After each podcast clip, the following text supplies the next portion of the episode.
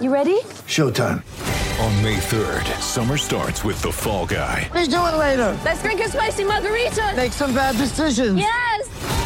Audiences are falling in love with the most entertaining film of the year. Fall guy. Fall guy. Fall guy. That's what the poster said. See Ryan Gosling and Emily Blunt in the movie critics say exists to make you happy. Trying to make it out? Nope. Because I don't either. It's not what I'm into right now. What are you into? Talking. Yeah. The Fall Guy. Only in theaters May 3rd. Rated PG-13. Get ready for the greatest roast of all time the Roast of Tom Brady, a Netflix live event happening May 5th. Hosted by Kevin Hart, the seven time world champion gets his cleats held to the fire by famous friends and frenemies on an unforgettable night where everything is fair game. Tune in on May 5th at 5 p.m. Pacific time for the Roast of Tom Brady, live only on Netflix. De stroom. Ik ben Humberto Tan en welkom bij een nieuwe aflevering van Warming Up. In deze podcast warm ik in de 11 weken in aanloop naar het EK voetbal op... door terug te blikken op 11 historische EK-wedstrijden van Oranje. In elke aflevering van deze podcast duik ik met een legendarische Oranje International... in een onvergetelijk EK-duel. Elke aflevering duurt één speelhelft. 45 minuten dus. In deze aflevering gaan we naar 2012. Whitney Houston overlijdt dat jaar aan een overdosis drugs. Prins Friso wordt tijdens een lawine bedolven onder de sneeuw. Barack Obama spreekt als eerste Amerikaans president zijn steun uit voor het homohuwelijk. En het kabinet Rutte 1 valt doordat Geert Wilders zijn gedoogsteun intrekt. Dat is 2012. De hits van die tijd? I Theo Tupego van uh, Michael Telo, I Follow Rivers van Triggerfinger en Ballade van Gustavo Lima. Nederland gaat als vice-wereldkampioen onder bondscoach Bert van Marwijk naar het EK in Polen en Oekraïne. En Oranje zit in een loodzware pool met Duitsland, Portugal en Denemarken. Het toernooi wordt een enorme teleurstelling. Al in de eerste wedstrijd tegen de Denen gaat het totaal mis. Voor de toenmalige captain van Feyenoord, een man van beton, was dit zijn eerste toernooi in Oranje. Ik heb het over de pijnlijke nederlaag van Nederland tegen Denemarken op het EK van 2012 met Ron Vlaar. Zo, we zitten alweer klaar voor uh, de volgende in de podcastserie. De man die begonnen is bij Apollo 68. Apollo 68, SVW 27. Kom lekker zitten, jongen. Ga lekker zitten, Ron. Top dat je er bent. Dankjewel. Ik zal je uitleggen wat we doen. Uh, we maken een hele mooie podcastserie met allemaal oud-spelers zoals jij. In de aanloop naar het uh, EK. En dan kijken we terug op uh, verschillende EK's. Met jou ga ik terugkijken op 2012. Ja. met name de wedstrijd Nederland-Denemarken toen. Oh, Als je terugkijkt op je carrière, Ron, want je bent net gestopt in januari. Wat doe je nu eigenlijk? Voordat we daar beginnen. Um, ja, niet zoveel, of toch wel. Ja, ik, er komt van alles op me af natuurlijk. Ook, eh, dit soort dingen vind ik Ja. hartstikke leuk om te doen. Want je bent in januari gestopt, hè? Eh, ja, februari. Februari ja, ben je gestopt. februari, dus een paar maandjes nu. Dus een paar maanden niet trainen, of wel trainen? Nee, ik ben nog wel aan het trainen, maar ik moet ook nog wel echt blijven trainen om eh, belastbaar te worden. Ik wil graag nog sporten uiteindelijk, dus ik, ik moet nu echt voorzichtig doen. Wil je nog voetballen een beetje? Amateur? Nou, dat lijkt me, nou, niet amateur, maar wel met vrienden bijvoorbeeld. Dat lijkt me echt superleuk. Voor mijzelf is dat gewoon terug naar het begin waar het ooit begonnen was. Dus, eh, er zijn Terug ook- naar wat ik zei, Apollo 68. Ja, Apollo 68. En eh, eh, ja, die gasten spelen wel 7 tegen 7. Ja, dat kan nu natuurlijk ook allemaal niet. Maar ja, het lijkt me gewoon legendarisch om, eh, om mee te doen. Maar kan je nog iets met je fysiek? Met je, want je hebt twee keer je kruisband gescheurd. Ja, nee, dat gaat, ja, die, die linkerknie was dat. Dat gaat allemaal goed. Het is nu mijn rechterknie. Dat is wat kraakbeen eh, probleempjes. Maar eh, ja, ik ben, gewoon te- ik ben aan het trainen om, om, om fit te worden. En om in ieder geval gewoon lekker actief te kunnen zijn nog. En eh, dan ga ik ervan uit dat het allemaal nog wel kan, ja. Wat dat een goede graadmeter is. Hoe sta jij 's ochtends op? Heb je dan ergens pijn?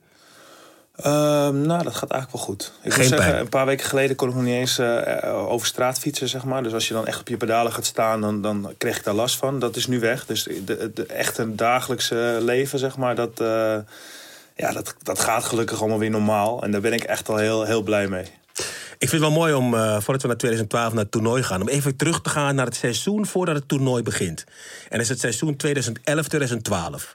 Jij zit bij Feyenoord. Feyenoord onder Koeman. En Feyenoord doet het goed. Hoe begon je aan het seizoen? Weet je dat nog? Kan je nog herinneren hoe dat eh, toen was? Eh, nou ja, dat seizoen begon niet, eh, niet heel lekker. Natuurlijk dat, dat Mario Been vertrok bij Feyenoord en, en Koeman nam het over. Ehm, ja, dat was wel een ingrijpende gebeurtenis. Die, Ja, Mario Been, kind van de club. ja, zeker. Ja, ja dat, was, dat maakte wel, had wel heel veel impact. Ehm, ja, dat was heel jammer dat het gebeurde. Ehm, maar ja, uiteindelijk eh, is dat zo gelopen. Eh, ja, en kwam Koeman. En, eh, en zijn we een, een nieuwe weg ingeslagen. Ik moet zeggen dat de komst van Guidetti daarin ook wel belangrijk is geweest. Die, had, die jongen had heel veel flair, had een grote mond. Wat wellicht niet helemaal bij de Rotterdamse mentaliteit paste. Maar dat gaf ja, het elftal wel veel smoel. Ehm, ja, en uiteindelijk eh, hebben we een heel mooi seizoen gedraaid. Stond je tegenover hem op de training of zat hij altijd bij jou in het team, Guidetti? Ehm, nou ja, in, in de 11 tegen 11 speelde natuurlijk vaak in hetzelfde team op de training. Maar ja, vaak genoeg tegengekomen. Ik kan me wel goed, heel goed de eerste, een van de eerste trainingen herinneren. Dan mocht hij nog niet met de groep trainen. En eh, ja, ik kwam binnen, hij, wil, hij wilde kampioen worden en zo. Nou, we waren net tiende geworden, dus dat was een beetje... Iedereen zat Waar heb jij het over? Ja. waar heb je het over? Dat, eh, dat, dat was op dat moment niet aan de orde. Maar ja, die is op de training vol, vol gedreven en, en, en eh, ja, alle, alle ballen op goal. Die waren bijna raak, weet je. Dus, dus we dachten wel van, nou, dat is wel een, eh, wel een goede speler. En ja, dat bleek uiteindelijk ook zo te zijn. En dat seizoen, eh, ik weet dat het, het begon wat stroefjes.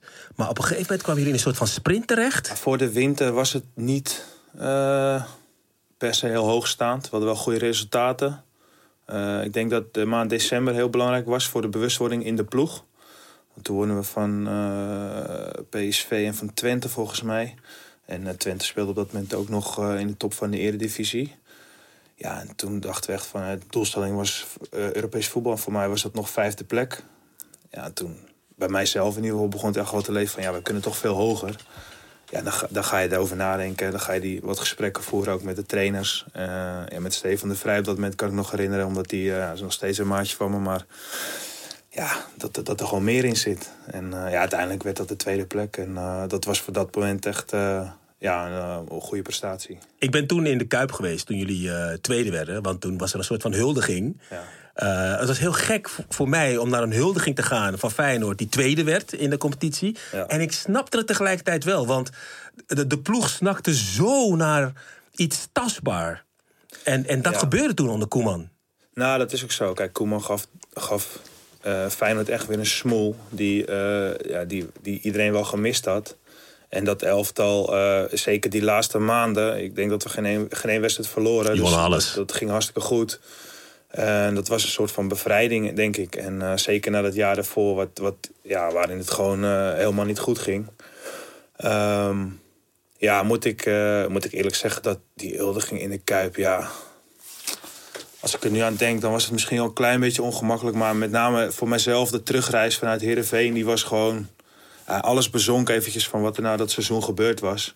Ja, voor de supporters was het op dat moment ja, echt, echt ontlading. En eh, dat was wel, eh, was wel hartstikke mooi. Nou, ik snapte het wel hoor. Toen ik uite- uite- uiteindelijk daar was. en ik zie zo'n volle kuip. Die speciaal daar naartoe zijn gekomen om het te vieren. En ik zag Ja. ook de blijdschap bij de spelers. Bij de mensen. Bij Koeman ook. Ja, zeker. Eh, Koeman was echt. ik heb hem gezien een keertje bij PSV toen hij kampioen werd. Toen was hij emotioneel. Maar hij was in de kuip. Was hij ook ontroerd door wat hij zag. Ja, maar dat... dat, dat ehm,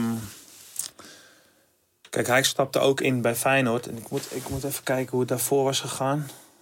Was hij, al- was hij toen al in, eh, bij PSV en Valencia geweest? Eh, Bij AZ weggestuurd volgens mij. Ja, hij had, al, hij, had, hij had heel veel al op zijn Maar goed, weet je, even- voor hem was het ook weer een enorme eh, Hij was er weer even. boost, zeg maar, die hij denk ik in zijn carrière ook gewoon weer heel erg nodig had. Dus dat was, eh, ja, dat, dat viel allemaal samen op dat moment. Kijk, hij was toen kampioen geworden met PSV, Koeman. Toen is hij naar Valencia gegaan. Daar heeft hij niet zo lang gezeten. Vervolgens ging hij naar AZ. Ja. En eh, na AZ is hij ontslagen daar. Vervolgens ging hij naar Feyenoord in 2011. Ja, dat om klopt. been op te volgen. Ja. En hij tekende maar voor één jaar trouwens bij Feyenoord. Kijk, het- je had daarvoor natuurlijk ook nog die 10-0 van, van eh, PSV Feyenoord gehad. Dat was het Onder ervoor, Mario Been. Dus Ja. daar komt Feyenoord vandaan. Dus dat, ik snapte die blijdschap wel. Ja, nee, en terecht ook hoor. Ik bedoel, dat, dat, eh, dat, dat was er ook. En dat mocht er ook zeker zijn. Want er was ook weer voorronde Champions League. Nou, de laatste keer dat uh, Feyenoord Champions League daarvoor speelde, dat weet ik ook niet meer. Maar uh, ja, er kwam gewoon heel veel samen. Heel veel emotie. Speelde het Nederlands elftal in jouw hoofd in die tijd? Want kijk, in het Nederlands elftal, die kwalificatierondes die gespeeld werden dat seizoen... had je gewoon een vast centraal duo. Ja. Matthijssen, Heitinga. Punt. Ja. ja, ook vanuit het WK nog natuurlijk. Dus uh, dat, uh, dat stond als een huis eigenlijk. Finale gespeeld. Ja. Dus jij, jij, jij speelde geen rol eigenlijk in die kwalificatie? Uh, nee, eigenlijk niet. Ik zit te denken... Ik, ja, ik denk dat ik er weer bij kwam tegen Engeland. In, in maart was dat, geloof ik, of februari of maart. En uh, ja, mijn eigen seizoen was ook eentje die ging uh, van hot naar her, op en naast het veld. En vanaf de winter ben ik echt wel heel steady gaan draaien. En gewoon op een hoog niveau ben ik gaan voetballen. Ja, week in, week uit dan vooral. En ja, dat ik er weer bij kwam bij het Nederlands elftal was... Ja, daar was ik natuurlijk hartstikke blij mee. In, op Wembley was het natuurlijk ook een hartstikke mooie wedstrijd. En ik kwam er zo waar in. Dus dat was ook alweer uh, weer, uh, ja, iets uh, om me aan vast te houden. Ja, en dat smaakte wel direct naar meer. Want jij, eigenlijk heb je best snel je debuut gemaakt in het Nederlands elftal. Want je maakte je debuut bij AZ en binnen ja. drie maanden stond je in Oranje, geloof ik. Ja, klopt. Ik zat Onder Van Basten toen ja, de bondscoach. Ja, ik zat er eigenlijk al heel snel bij na een paar wedstrijden. Toen heb ik alleen niet gespeeld. Maar dat waren toen, toen WK-kwalificatiewedstrijden. En uh, uiteindelijk, ja, een paar maanden later, maakte ik inderdaad mijn debuut. Dus dat ging, uh, ja, dat ging toen echt als een, uh, als een trein. Het was ook echt een rollercoaster, die periode. Als ik daar echt, hè? Kijk. Ja, zeker. Er was ook nog een jeugd-WK tussendoor. Dus, uh, je werd nog Europees kampioen met het met EK nee, onder 21. Werd je ja, dat was, dat was in 2006. En ja. Even kijken hoor. 2006, ja. Dat op, in 2005 was er nog een jeugd-WK onder 20 jaar, was in Nederland. Dus dat was ook, uh, ja, het was in één keer uh, vol in de picture. En uh, Nederland zelf al erbij. En ja, het was, was gekhuis. En dan komt het toernooi eraan. 2012, Oekraïne en Polen. wat voor, kan je je nog herinneren wat voor soort sfeer het was op weg naar dat EK? nou, dat, dat ben ik mezelf dus aan het afvragen. Want volgens mij was die laatste kwalificatiewedstrijd tegen Zweden in Zweden verloren. En ik zat toen volgens mij op de bank. Maar dat was nog in het, zeg maar, in het kalenderjaar ervoor, dacht ik. Maar Ja. dat, ik- dat kan ik me niet meer helemaal terug, eh, terughalen. En die wedstrijd verloren we. Eh, we waren toen al gekwalificeerd. Ja, je- ja, op de ene of andere voelde je al dat, er, dat het niet helemaal lekker liep of zo. Nou, weet je wat het was ook? Kijk, Nederland komt van het WK. Finale gespeeld, Ja. 2010. En vervolgens krijg je die loting en dan kom je in een pool samen met Denemarken, Duitsland en Portugal. Ja. En iedereen dacht van, oh my god, Duitsland en Portugal vooral, dacht iedereen. Denemarken moeten we kunnen hebben, maar Duitsland en Portugal en Nederland, die drie moeten het gaan bepalen. Eigenlijk moet het Duitsland en Nederland, die moeten het gaan bepalen. Was het de pool des doods, denk ik? Die pool eh? des doods. Ja, ja. Je zaten in de pool des doods. Dus dat speelde. Tijdens de kwalificatie speelde Huntelaar heel veel. En die scoorde alles. En toen kreeg je tijdens het toernooi had je een discussie onder Van Marwijk, Huntelaar of Van Persie. Van Persie Ja, of Huntelaar. Dat kan ik me ook nog wel herinneren hoor. En het was natuurlijk, Huntelaar was de topscorer van de Bundesliga en eh, Van Persie vo- eh, van de Premier League. Ja, luxe. Luxe. ja, Luxe. maar dat pakte niet helemaal zo uit. eh. Hoe, hoe werkt, m- merkte je daar iets van binnen de groep, die discussie die heel erg speelde? Ehm, nou ja, kijk, ik ben natuurlijk niet gek. En ik weet heus wel dat er heel veel gaande was. Alleen, ik zat zelf in een ander, ander ritme en een andere focus eigenlijk. Want ja, je, je had het net al over, eh over Heitinga en eh Matthijsen. Ehm, ja, dat was gewoon het vaste duo. En ik was uiteindelijk al heel blij dat ik meeging. En dat was voor mij ook weer een volgende stap die ik zette. Maar ik wilde uiteindelijk ook spelen. Ja, dan moet je, dan moet je een van die twee eruit spelen. En daar was ik gewoon volle bak mee bezig. Ik heb dat hele seizoen keihard getraind. Ook voor mezelf extra getraind. Investeren, investeren. En uiteindelijk in, in maart eh, die wedstrijd eh, op Wembley een stukje gespeeld. En nou, dat smaakte naar meer. Nou, die focus verleggen naar het EK.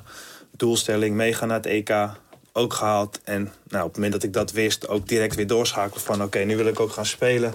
En daar was ik mee bezig. En ik had mijn routines. Ik was volle bak aan het trainen. Eh, en dat deed ik ook rondom de trainingen, zeg maar. Ja, in, in, op, op trainingskamp nog in, Nederland, in Hoendelo was het geloof ik. Maar ook tijdens het EK zelf, dat ik daar gewoon ja, mijn eigen routines aan het afwerken was, dag in dag uit. Ehm, ja, en daardoor was ik minder bezig met, eh, met het team. Kijk, ik was een van de weinige nieuwe spelers vanuit, eh, zeg maar, die nieuw was ten opzichte van de selectie van het WK Ja. van 2010. Dus ja, uiteindelijk wat daar allemaal voorgevallen is... en ondanks dat het waarschijnlijk heel goed is gegaan in 2010... zijn onderhuids natuurlijk altijd gebeuren de. Irritaties. Ja, weet je, iedereen accepteerde zijn rol... en iedereen heeft nieuwe doelstellingen voor een volgend toernooi. Ja, Ik, ik, noem- je je noemde het net al Huntelaar, die toen ook niet speelde... en dan ja, nu wel wil spelen. En logisch, dat is ook terecht. Alleen als, als, als uiteindelijk spelers minder, eh, zich minder makkelijk kunnen schikken in een rol... Ja, en eh, ja, dan krijg je ja, onderhuids eh, irritaties. En dat voelde je ja, dat, Dat voelde continu. je zeker. Als je erop Continu. terugkijkt, al helemaal. Ook voor mijzelf natuurlijk. Alleen, ja, ik wilde gewoon elke dag goed trainen. En elke keer als ik speelde, gewoon goed spelen. En daar was ik mee bezig. Ja, en ja, uiteindelijk klapte dat natuurlijk helemaal uit elkaar. En als je dan eh, drie keer verliest, ja, Zo. ja dat is natuurlijk Weet, weet je nog wat eh, Van Marwijk tegen je zei in de aanloop naar het toernooi? Want hij heeft natuurlijk eh, geen beroep op je gedaan tijdens de kwalificatie. Nou ja, tijdens het toernooi wel, geselecteerd, je gaat mee. Heeft hij nog iets tegen je gezegd of helemaal niet? Weet je dat nog? Ehm, nou, hij heeft wel met me gesproken natuurlijk. Maar wat hij precies gezegd heeft, dat durf ik niet meer te zeggen. Ik weet dat in de voorbereiding raakte Joris geblesseerd. ja, Ehm, en eh, volgens mij speelden we tegen Bulgarije in de Kuip. Ik weet niet zeker wat Bulgarije was. En toen koos hij voor... in de regen, weet ik nog. Oh, nou, in, mijn, Ja. in mijn herinnering was het mooi weer. Oh ja? Het was geen zon. Oh, misschien, kijk wie er gelijk had. Ja, maakt ook niet, nou, Maakt ook uit. niet heel veel uit. Ja. Ehm, eh, en toen eh, kwam eerst Wilfred erin, Bauma. En uiteindelijk kwam ik ook aan spelen toe. En dat ging eigenlijk best wel, best wel lekker. En ja, de volgende wedstrijd stond, stond, ik in de, in de basis. Dat was tegen Noord-Ierland, denk ik. De laatste, of de uitzijwedstrijd, zoals dat zo mooi heet. Ehm, en toen scoorde ik ook nog een goal. En ja, ik zat er best wel lekker in. Eh, en, en, en uiteindelijk kreeg ik daar ook het vertrouwen tegen, tegen Denemarken. En eh, ja, nogmaals, hij heeft ongetwijfeld met me gesproken. En, eh, dat ik, dat ik er klaar voor was en noem maar op. Maar ja. Nog iets wat ik, wat ik opvallend vond toen dat toernooi. Het was in Polen en in Oekraïne. En jullie zijn, voordat jullie tegen Denemarken speelden... zijn jullie nog naar Auschwitz gegaan. ja. Met de, met de ploeg. Dat vond ik heel heftig. Want ik ben daarna, ben ik, eh, ik was ook daar. Toen ben ik met Aad de Mos en Robert Eenhoorn en ik... zijn toen ook samen naar Auschwitz gegaan. Dat was ongeveer drie dagen nadat jullie zijn geweest. Oké. En ik was echt zwaar onder de indruk. Ja. En toen dacht ik van, wow... Hoe was, dat, hoe was dat toen voor jou? Weet je dat nog? Nou, dat bezoek. indrukwekkend ook, absoluut. Ik weet nog wel dat we daar kwamen. En eh, Italië was daar ook. En er waren volgens mij nog twee, eh, twee landen aanwezig. En voor mij zijn heel veel landen daar door die dagen heen eh, daar geweest. Ja, dat was wel impressive. En het was echt... Er vloog geen vogel, kan ik me herinneren. Het was zo stil daar. Het was scary gewoon om, om, ja, om te voelen wat daar eigenlijk gebeurd is. Je hebt er geen idee van, maar je voelde het in alles eigenlijk. En... dat heeft wel indruk gemaakt. Maar dat, ja, los van het voetbal natuurlijk. Want, Nou ja, precies. ja. Ik, toen dacht ik wel van, weet je, als je zoiets heftig ziet als Auschwitz daar, want dat was. eh, ehm, je kon op, op twee uur afstand van waar jullie zaten, of konden met de trein of de, met de bus kon je daar naartoe gaan. Dacht ik van, ik ben daar nog echt wel twee dagen in mijn hoofd mee bezig geweest op een of andere manier. Ehm, maar jullie moesten dan weer omschakelen meteen naar de wedstrijd, of naar trainingen, naar focus eh, EK. Ja. Ehm, ja, zo, ja, zo zie ik dat niet. Ik kan me voorstellen dat je dat. dat, eh, dat ik kan me ook herinneren dat het wel vaker opgenoemd is in die periode. Omdat het niet lekker draaide zo. Maar dat had niks met Nee. of zo te maken. Ik denk, sinds ik daar geweest ben, is het eigenlijk bijna een must voor iedereen om daar een keer heen te gaan. Om gewoon. En nogmaals te voelen en te realiseren wat is daar eigenlijk gebeurd. Weet je? Het is echt krankzinnig natuurlijk. En dat is wel, dat is zoiets groots in de geschiedenis. En ja, het lijkt lang geleden, maar eigenlijk ja, hoe lang, als je kijkt wat er allemaal, eh, hoe ver we terug kunnen, dat, dat, dat het nog niet eens zo heel lang geleden is. En dat nog mensen, nog steeds mensen die nu leven daar ja, onderdeel van zijn geweest, op wat voor manier dan ook. Ja, dat, dat het eigenlijk een must is in, eh, voor iedereen om daar een keer heen te gaan. En, eh, en ja, totaal los van het voetbal. En ik zie daar ook geen enkele relatie in tot het EK, want er waren hele andere dingen die daar. Eh, Ja, je had gewoon ook voetbaldiscussies die gewoon speelden. Zeker, het team. zeker. Dat was maar het meer. het, het was niet de reden, Nee. vind ik, dat we daar niet gepresteerd hebben. Nee, dat gevoel heb ik ook niet hoor. Ik, ik, had, ik had meer het gevoel van, jeetje, eh, een bezoek aan Auschwitz relativeert zoveel dan wordt alles onbelangrijk. Uh, en dus ook voetbal. Al, zelfs als het. Voor mij was het mijn werk, omdat ik jullie moest volgen. Voor jou is het je werk omdat je gewoon voetballer bent. Dus alles werd voor mij relatief. Ik, ik heb daar echt wel maar goed, ik ben misschien een uh, zacht uh, hart. Ik heb daar echt wel gebroken gezeten. Want ik, nou ja, dat... oh, ik zag supporters op een gegeven moment in, in shirts van uh, Duitsland met hotpants. En dan selfies maken in de gaskamer en zo. Nou, ik kon daar, ik, ik, nee. ik kon daar gewoon niet naar kijken. Ik dacht, nee. wat de fuck ben jij aan het doen, man? rare nee, dus gast. Dat, dat zijn herinneringen voor mij. Nee, dit is er eentje voor jou. Ja. Ook die kamers met al dat haar en zo. En noem maar Precies. Op, dat, dat, dat, ja, dat is geen selfieplek of wat dan Nee. ook. Weet je, dat, Nee. eh, dat is niet gepast, vind ik. Maar goed, iedereen heeft daar een eigen idee over wellicht. Dus. We schakelen naar het voetbal. Het toernooi staat te beginnen.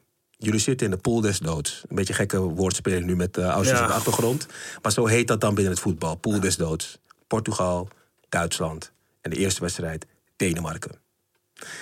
Ik moet zeggen, ik heb dus die samenvatting zitten kijken. Jullie hebben wel echt veel pech. Die eerste wedstrijd. Eerste helft met name, de eerste helft. Veel pech. Ja, ik denk dat we best wel kansen hebben gecreëerd. Eh, en dat, dat Denemarken niet heel veel kansen heeft gehad, maar ja, wel eentje gemaakt heeft. En wij uiteindelijk niet heel simpel gezegd. Maar ehm, ja, met pech. Ik weet niet of je eh, wat specifieker over kunt zijn, want dat kan ik Nou niet ja, gemiste kansen, bal op de paal, eh, net niet. Eh, Huntelaar op de bank, Van Persie speelt. Dit is de opstelling trouwens tegen Denemarken. Stekelenburg in de goal. Van der Wiel op rechts, Heitinga, Vlaar in het centrum. Matthijs eh, kon er niet bij zijn, was geblesseerd. Willems, Jetro Willems, linksback. Op het middenveld, Naaije de Jong en Van Bommel controlerend. Aanvallend Snijder en dan Robbe, Van Persie, Affelay voorin. Ehm, Huntelaar vond het niet zo leuk. Van Marwijk moet het allemaal in de, in, in de gaten houden natuurlijk. maar- Nee, maar volgens mij was het ook met eh, Van der Vaart. eh, Van der Vaart zat op de bank, was ook een dingetje. ja, ja. Ja, want... Was je, was je bijna vergeten, denk Nee, ik. nee, nee, was ik niet vergeten. Want Van der Vaart komt er later nog in. Die scoort nog tegen Portugal. Maar die komen we straks nog op. Maar dat was ook nog iets. Het, het, wa- het was van alles was niet lekker. Nee, nee. nee, wat ik al eerder aangaf, weet je, zeg maar, het, de acceptatie van een bepaalde rol, die was er niet. En is dat logisch? Ja, natuurlijk is dat eigenlijk logisch. Alleen op een toernooi mag dat niet tellen. Alleen als dat te veel telt, ja, dan, dan krijg- dan krijg je een beetje groepjes. Of, en, eh, ja, dan krijg je in heel veel, eh, heel veel dingen worden dan cynisch benaderd of zo. Wie dat ook, eh, ja, hoe dat ook mogen zijn op dat moment. Welke rol of welke mening of welk idee of wat je ook doet. Dan, dan zit er altijd iets onderliggends. En dan, ja, dan krijg je dit wat er gebeurt. Dan krijg je de wedstrijd tegen Denemarken uiteindelijk. Je zei het al, één goal. En dan hoor je dit. Krondeli. Krondeli. En een doelpunt voor Denemarken. Korte hoek. Een doelpunt van Michael Korthoek. Krondeli. Goal valt eigenlijk vanuit het niets. Maar dat doet niets af aan de actie van Krondeli. Ja, dankjewel NOS voor dit fragment weer. Jeroen Gruter is de commentator. Ja, ik moet af en toe even zeggen, want eh, we lenen het van de NOS. Ja, hij, je hoort wat hij zegt, hè, uit het niets. En dat bedoel ik met, jullie waren echt niet slecht toen die wedstrijd. Kijk, ik heb net eh, Ruud Gullit gehad hier, die had het over 88. En Vanenburg uit 88 zei het ook. De eerste wedstrijd verloren zij ook met 1-0. Ja. Alleen het gevoel na de wedstrijd toen in 88 was... jongens, verloren, niks aan de hand. Want we waren echt best wel goed. Wat was het gevoel na 1-0 tegen Denemarken? Oeh. Nou, kijk, je gaat zo'n toernooi in. En je weet, hè, we, we hebben het al vaak genoeg over de pool gehad en de drie tegenstanders. Dat je, als je iets wil, dan moet je het sowieso van Denemarken winnen. Zeker. En dat gebeurde natuurlijk niet. Dus, nou ja, wat er dan binnen een ploeg leeft en ook wat er al aan druk meer bij komt kijken, ook vanuit media en supporters en noem maar op, dat, dat was natuurlijk gigantisch. Ehm, ja, dus dat, dat was. eh, dat, ja, dat was geen goede sfeer natuurlijk. Die daar... Luister even naar de woorden van Jeroen Gruter... na afloop van die wedstrijd Nederland-Denemarken... het afsluiten, het commentaar. Combinatie met Vlaar. Kjaer trapt de bal weg. Skomina kijkt op de klok en fluit af. Nederland verliest de openingswedstrijd in Kharkov. Wat een enorme teleurstelling. Matchwinner, notabene een speler die niet goed genoeg was voor de eredivisie vier jaar geleden. Michael Kroon-Daly. En Robbe schudt het hoofd. Nederland zit er helemaal doorheen na deze onverwachte en misschien ook wel onnodige nederlaag. Want mogelijkheden en zelfs kansen waren er in overvloed. Tja. Je hoort het, hè? Die kansen waren er. Er, was, er waren echt mogelijkheden. Ja, die waren er ook. Ja. En ik, tu- als je zo'n eerste wedstrijd wint, kan het ook wel weer helemaal kantelen, weet je wel. Dat iedereen daar een swing in krijgt. Alleen, ja, nu krijg je die deksel nog harder op je neus eigenlijk. En ja, met de wetenschap dat, met welke wedstrijden nog kwamen... eh, ja, was, dat wel, eh, was, het wel, was het ook wel frustrerend eigenlijk. Ja, en dan en krijg je die tweede wedstrijd. Ehm, eigenlijk, nou, laat me het maar heel kort zeggen. Jullie verliezen alle wedstrijden. Ik, ik, sterker nog, eh, ik weet dat eh, de krantenkoppen toen eh, Nederland was uitgeschakeld... was historisch het toernooi van Nederland... wat niet één wedstrijd gewonnen. Eh, kreeg je dat soort geluiden mee eigenlijk? Nou ja, natuurlijk weet je dat wel. Je hebt ook wel, eh, ik weet nog dat we terugkwamen op Schiphol. Volgens mij zijn we een beetje via de achteruitgang eh, vertrokken of zo. Ik weet het niet eens meer. Ik, ik moet zeggen dat ik ook daar zelf niet zo mee bezig was. Eh, Ik, ik, ik, ik had wel eh, ik schaamte natuurlijk, want je wilt, eh, we zijn Nederland, je- er wordt ook iets van je verwacht en dat is logisch. Ja. En, nou ja, goed. na het WK en de finale halen, ja, dan verwacht je dat je op het EK ook weer ver komt en dat er wat gepresteerd wordt. Maar ja, wat ik al eerder aangaf, er zijn heel veel dingen waar ik me heus wel wat bewust van was. Maar ja, ik zat in mijn eigen, eigen stramien. En ik was al aan het doorschakelen eigenlijk direct eh, op de weg terug. En eh, ja, dat was voor mij gewoon een, aanzet eh, richting het WK van 2014 voor mezelf. Ja, En- maar dat is, een, dat is nog een mooi verhaal. Want daar, gaan we, daar komen we straks ja, nee, dat is ook zo. Maar, maar zeg maar, ja, ik dacht wel, dit wil ik op deze manier echt nooit meer zo meemaken. Dat kan echt niet, weet je, in, in, alle, in alle opzichten. En ehm, ja, dat, dat was voor mij direct een volgende doelstelling. Kijk, het, mooie was, kijk, Duitsland verliezen jullie ook. En dan komt die wedstrijd tegen Portugal. En dan moet je met, eh, geloof ik, twee of drie goals verschil winnen. Ja, twee goals winnen. Ja. Ja. Dus we hadden nog steeds een kans eigenlijk. Ja, Ja, ik, weet, ik kan me nog herinneren dat na die wedstrijd tegen Duitsland... iemand van Duitsland, een Duitse speler bij ons, Müller of zo... ik weet het niet eens meer, want die kennen die jongens allemaal natuurlijk... of een aantal jongens zoals Mark van Bommel en zo. Die kwam die kleken ja, we gaan ons best doen, dus weet je... we willen gewoon winnen, dus als jullie winnen... dan kun je, heb je alsnog een kans, weet je wel. En eh, sommigen vonden... Ja, toen las ik ook wel, of ik had meegekregen uit de, uit de krant of zo... ja, dat het eigenlijk ook weer echt niet kon of dat het heel kinderachtig was. Of nou ja, weet je, ik- nou ja, ook dat ik dacht van ja, we hebben gewoon nog een kans, dus we moeten daar gewoon voor gaan. Weet je, laat staan eh, wat, eh, wat een ander moet doen, maar we, we zullen eerst zelf maar moeten winnen, zeg maar. We komen er nog wel één of voor natuurlijk. nou, en hoe? Want Van der Vaart komt erin. Die krijgt die bal, zeg maar, op 20, 25 meter. Luister even mee. Van der Vaart schiet. Van der Vaart, doelpunt! Ik zie dat nog wel een klein beetje voor me. En hoe overtuigend gevoetbald door Nederland. Hij krult hem erin. Hij krult hem gewoon 16, ja, 20 meter. En dan krult hij hem zo, waf. Krult hij hem erin. Hij legt hem zo klaar voor en dan waf. We begonnen ook goed die wedstrijd. Ja. We kwamen 1-0 voor natuurlijk. En ik, ja, voor mij was er een kantelmoment in de wedstrijd dat we een bal te kort terugspelen speelden. En dat, dat, Die pakte dat, Stekelenburg nog. Ja, dat was een 1 op 1 werd dat. En toen kantelde de wedstrijd eigenlijk. Überhaupt, hè? Maarten Stekelenburg, dat toernooi.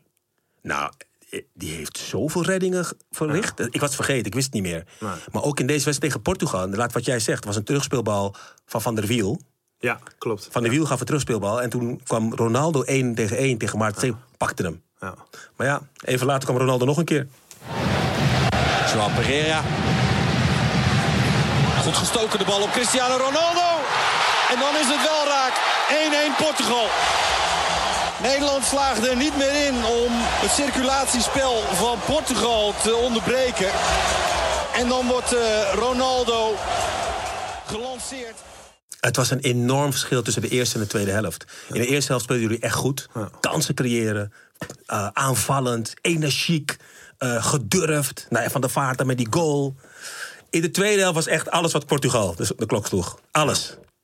Ik heb nog wel, ja, voor mij heb ik zelf nog wel een goede kopkans gehad op 1-1 volgens mij. Ook nog? En als dat nog 2-1 zou worden, dan had je misschien nog wel weer een, een, een, een energiemoment gekregen. Maar ja, het werd 1-1. En die fase waar we toen als team in zaten.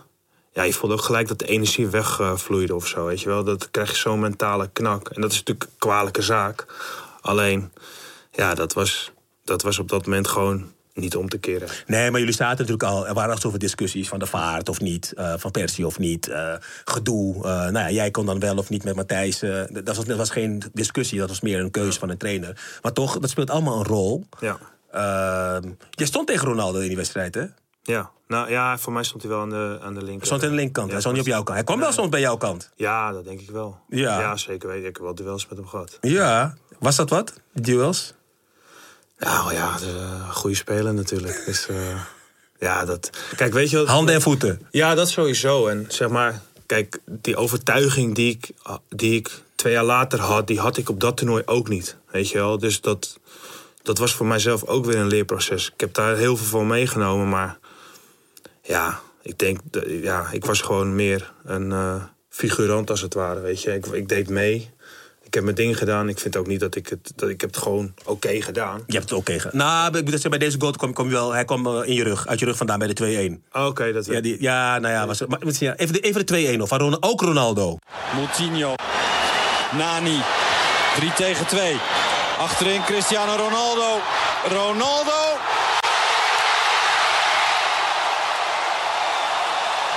Het zit erop voor Nederland.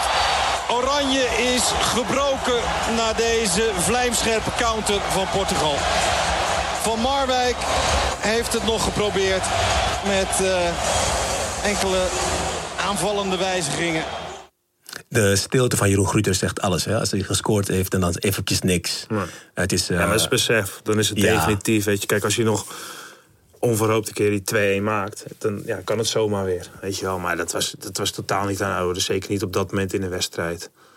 Ehm, ja, hij zegt ook 3 tegen 2, maar ik weet niet of het dat 2 tegen 3 was. Of 3 drie, drie, drie verdedigers tegen twee aanvallers. Maar goed, dan moet ik even terugkijken. Ja. Maar, ja, dat Maakt ook niet eh, uit. Nee, het maakt ook niet uit. Maar normaal kan je dat soort dingen wel misschien wat beter terughalen. Maar ja, dat eh, het was, het was natuurlijk over het algemeen een grote teleurstelling. Hoe gaat dat tijdens het toernooi eigenlijk? Want kijk, na Feyenoord ging je naar Birmingham. Ja. Eh, naar Aston Villa. Maar dat kwam pas later aan de orde. Ik Oh, was er ook echt niet mee bezig. Maar ik, voor mij was het wel zo dat ehm, een overstap naar, in dit geval de Premier League, naar een topcompetitie, was wel voor mij eh, onderdeel van de volgende stap zetten van wie ik nou eigenlijk wilde zijn. En ook op een eindtoernooi, zeg maar. Dus om elke week onder grote druk en grote weerstand eh, te voetballen. Dus, Waar dus- kwam je in terecht in die Premier League? Tegen wie kwam je te spelen in die periode? Nou, kwam- de eerste wedstrijd was eh, West Ham United uit tegen Carlton Cole. Nou, dat kreeg gelijk een eh cakeie. eh. Oh ja? Ja, dat was gelijk eh elleboogje. en, Meteen eh, fysiek, bam! Ja, dat was gewoon, dat was gewoon rammen, gewoon beuken. En eh, ja, dat past gewoon dat past heel goed bij me, dus dat is helemaal geen probleem. Alleen, kijk, om elke week daarmee geconfronteerd te worden, dat is natuurlijk wel iets anders dan in de eredivisie. En eh, ja, ik, dat was gewoon hartstikke belangrijk voor mijn ontwikkeling. Ja, kijk, je zit hier voor 2012, maar eigenlijk is het helemaal niet het hoogtepunt van je carrière. Dit was een onderdeel van je carrière, dit EK.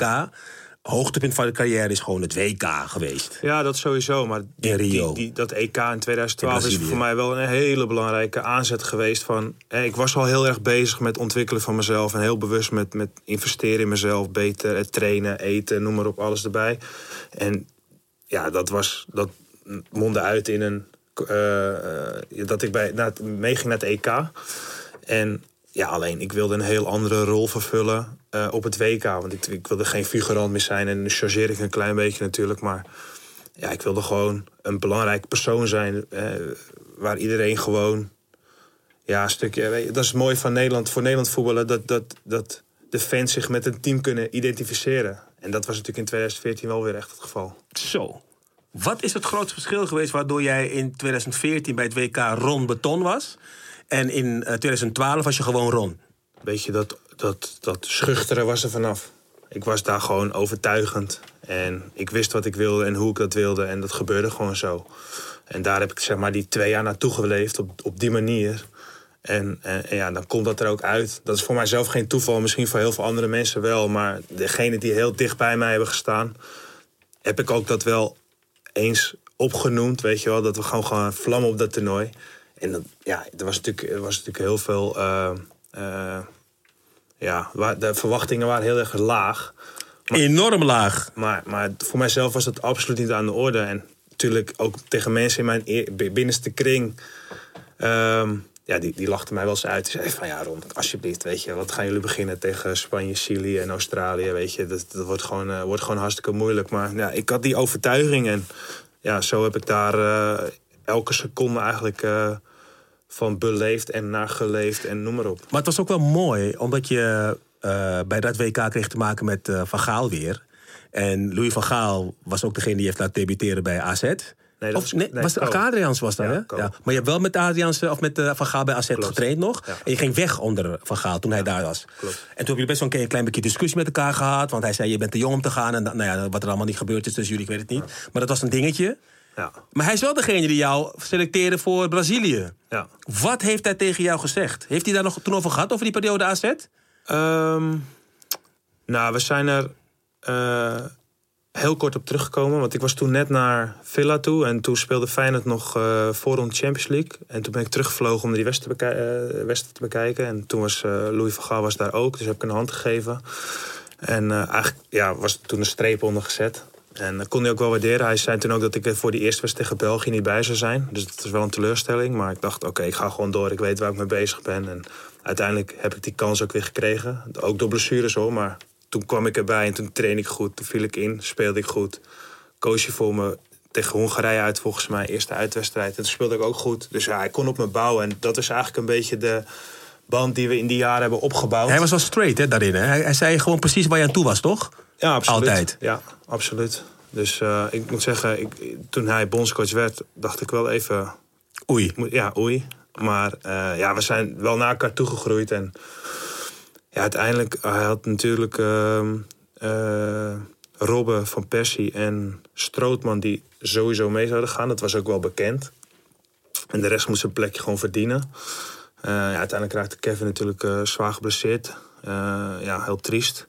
Eh, maar in, in maart van dat jaar, van 2014, moest ik bij hem komen. En toen vertelde hij dat ik sowieso mee zou gaan. Dus dat was, was een enorme overwinning voor mezelf ook. En ja, die doelstelling had ik ook. Maar vanaf, vanaf maart kon ik dus al door gaan schakelen van...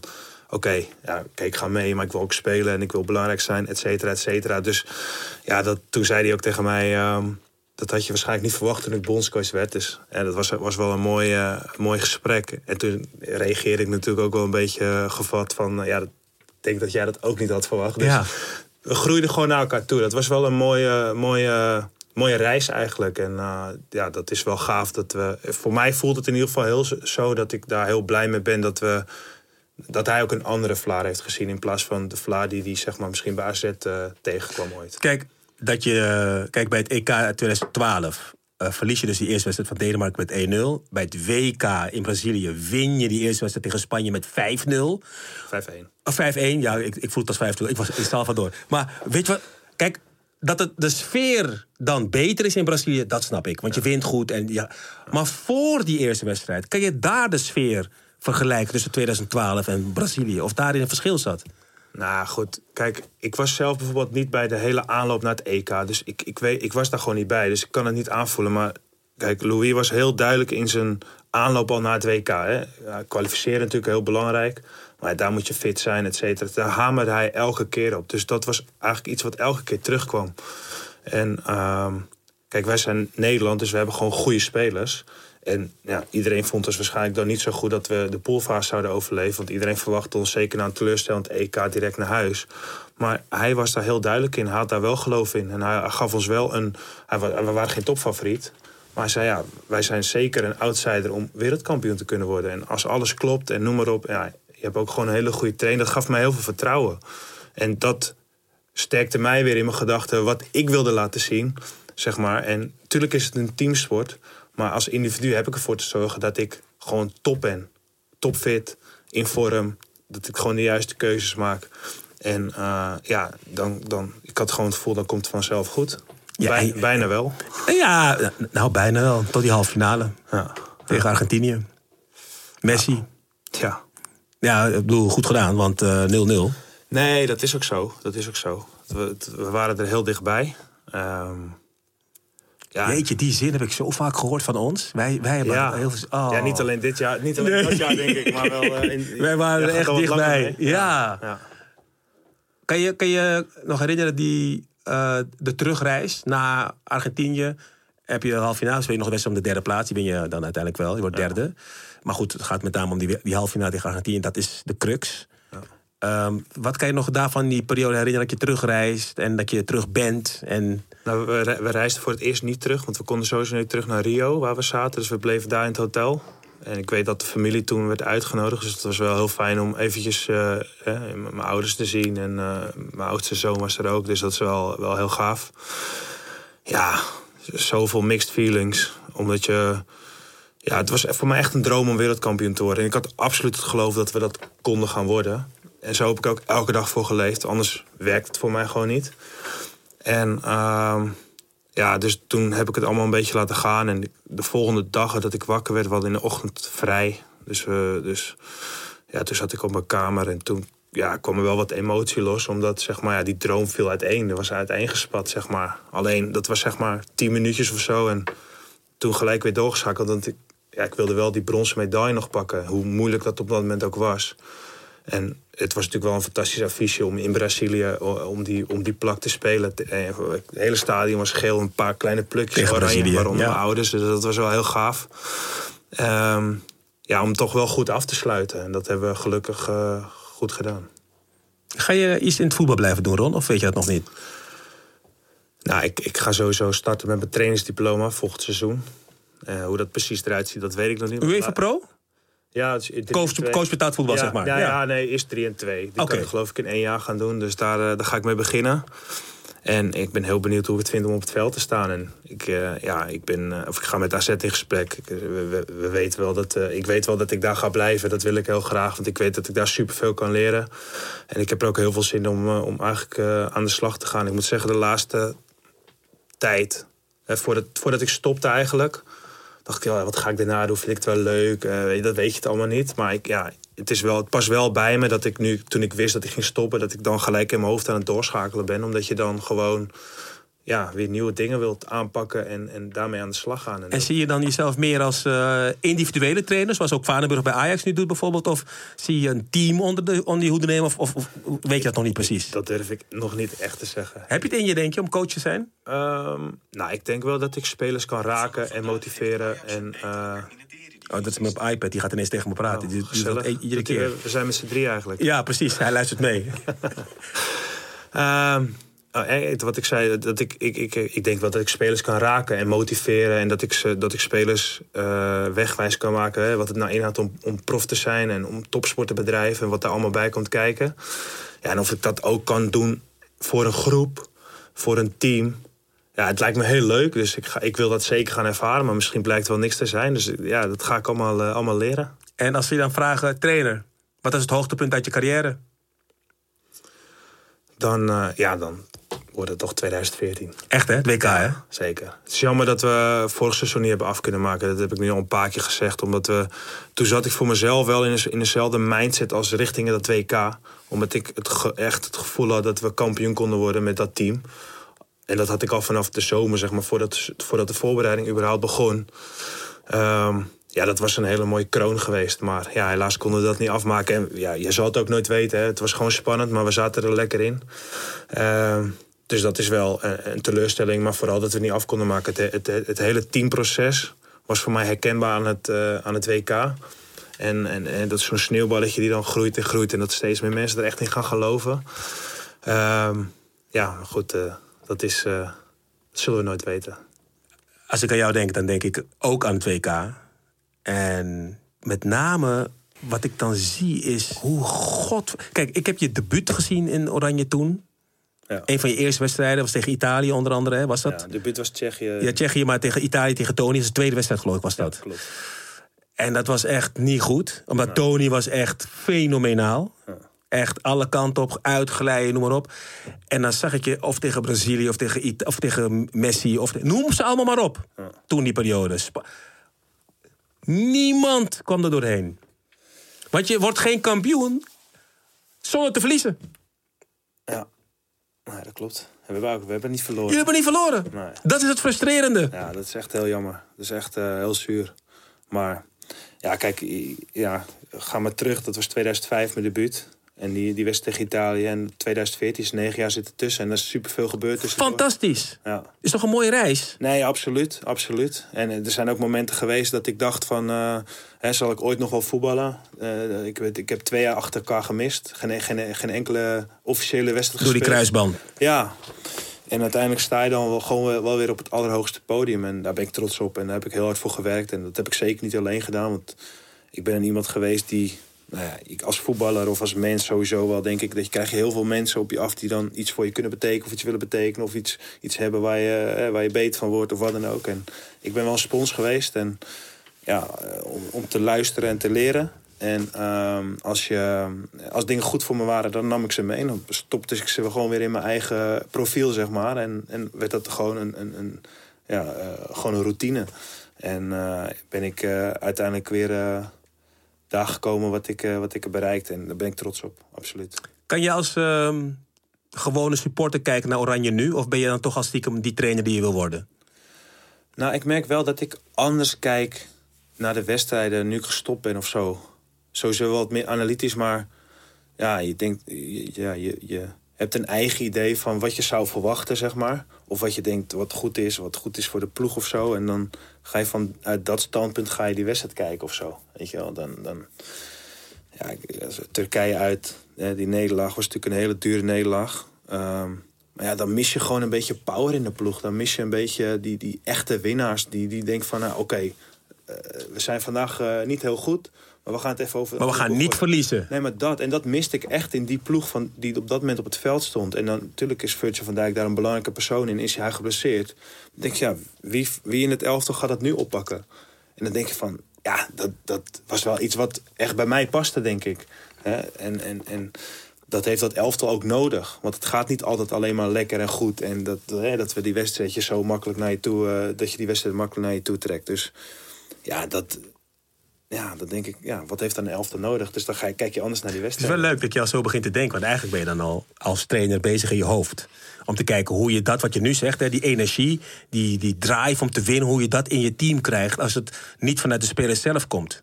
Nee, maar dat is, dat is ook iets belangrijks, denk ik. Eh, hetzelfde als je, kijk, je kan, als je beelden gaat terugkijken, kan je op alles, eh, alles wat zeggen. Want het kan altijd beter. Zeg maar. Je kan altijd een andere, een betere keuze maken, bij wijze van spreken.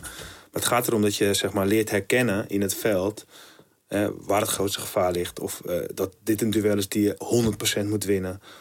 Ja, dat, dat, dat is natuurlijk reuze interessant. Want als je daar eh, veelal de goede keuzes in gaat maken, ja, dan ga je ook veel wedstrijden winnen. We zitten al eh, in eh blessuretijd, Ron. De 45 minuten is alweer voorbij. Maar de blessuretijd gaan we nog een klein beetje verlengen. Want we gaan nu ook nog in de glazen bol kijken. Het Oh. EK komt eraan. Ja. Het Nederlands elftal heeft drie tegenstanders. En ik ga ze gewoon één voor één langs. Ja. Het zijn eh, Oekraïne, Oostenrijk en Noord-Macedonië. Nederland, Oekraïne. De eerste wedstrijd. Wat zeg jij, Ron Vlaar, de uitslag? Eh, 3-1. 3-1. Goed, dan gaan we naar de tweede wedstrijd op het EK van Oranje. En dat is tegen Oostenrijk. Ehm, 2-0. 2-0.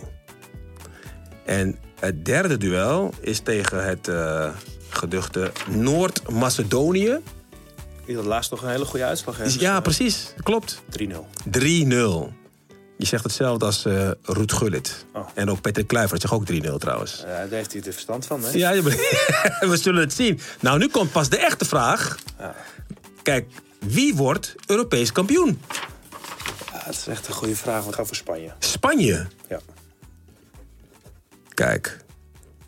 Ben jij de eerste die Spanje zegt eigenlijk? Dat weet ik niet. Ik hoop het wel. Het zou Jij bent de zijn. eerste die Spanje zegt. Kijk, dat is mooi. We hebben tot nu toe gehad Frankrijk. eh, we hebben gehad Frankrijk, Frankrijk, Nederland. Vanebrug zegt Nederland. Dus we hebben echt wel verschillende landen al gehad. Maar ik heb nog geen Spanje gezien. Top.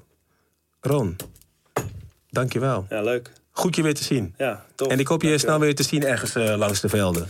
Goed. Dank je voor de uitnodiging. Ja, man, was leuk. En eh, als je genoten hebt van eh, deze podcast, laat het aan je vrienden horen. Eh, abonneer je uiteraard. Luister ook naar een van de andere uitzendingen. Of het nou gaat over Andy van der Meijden, Rafa van der Vaart, Richard Witsche, Wim Rijsberg, Boudewijn Sender, Patrick Kluivert, Jenders Varenburg, Ruud Gullit, Hans van Breukelen of Willy van der Kerkhof. Maakt niet uit, je geniet van allemaal. Dank voor het luisteren naar Warming Up van Stroom. Ciao.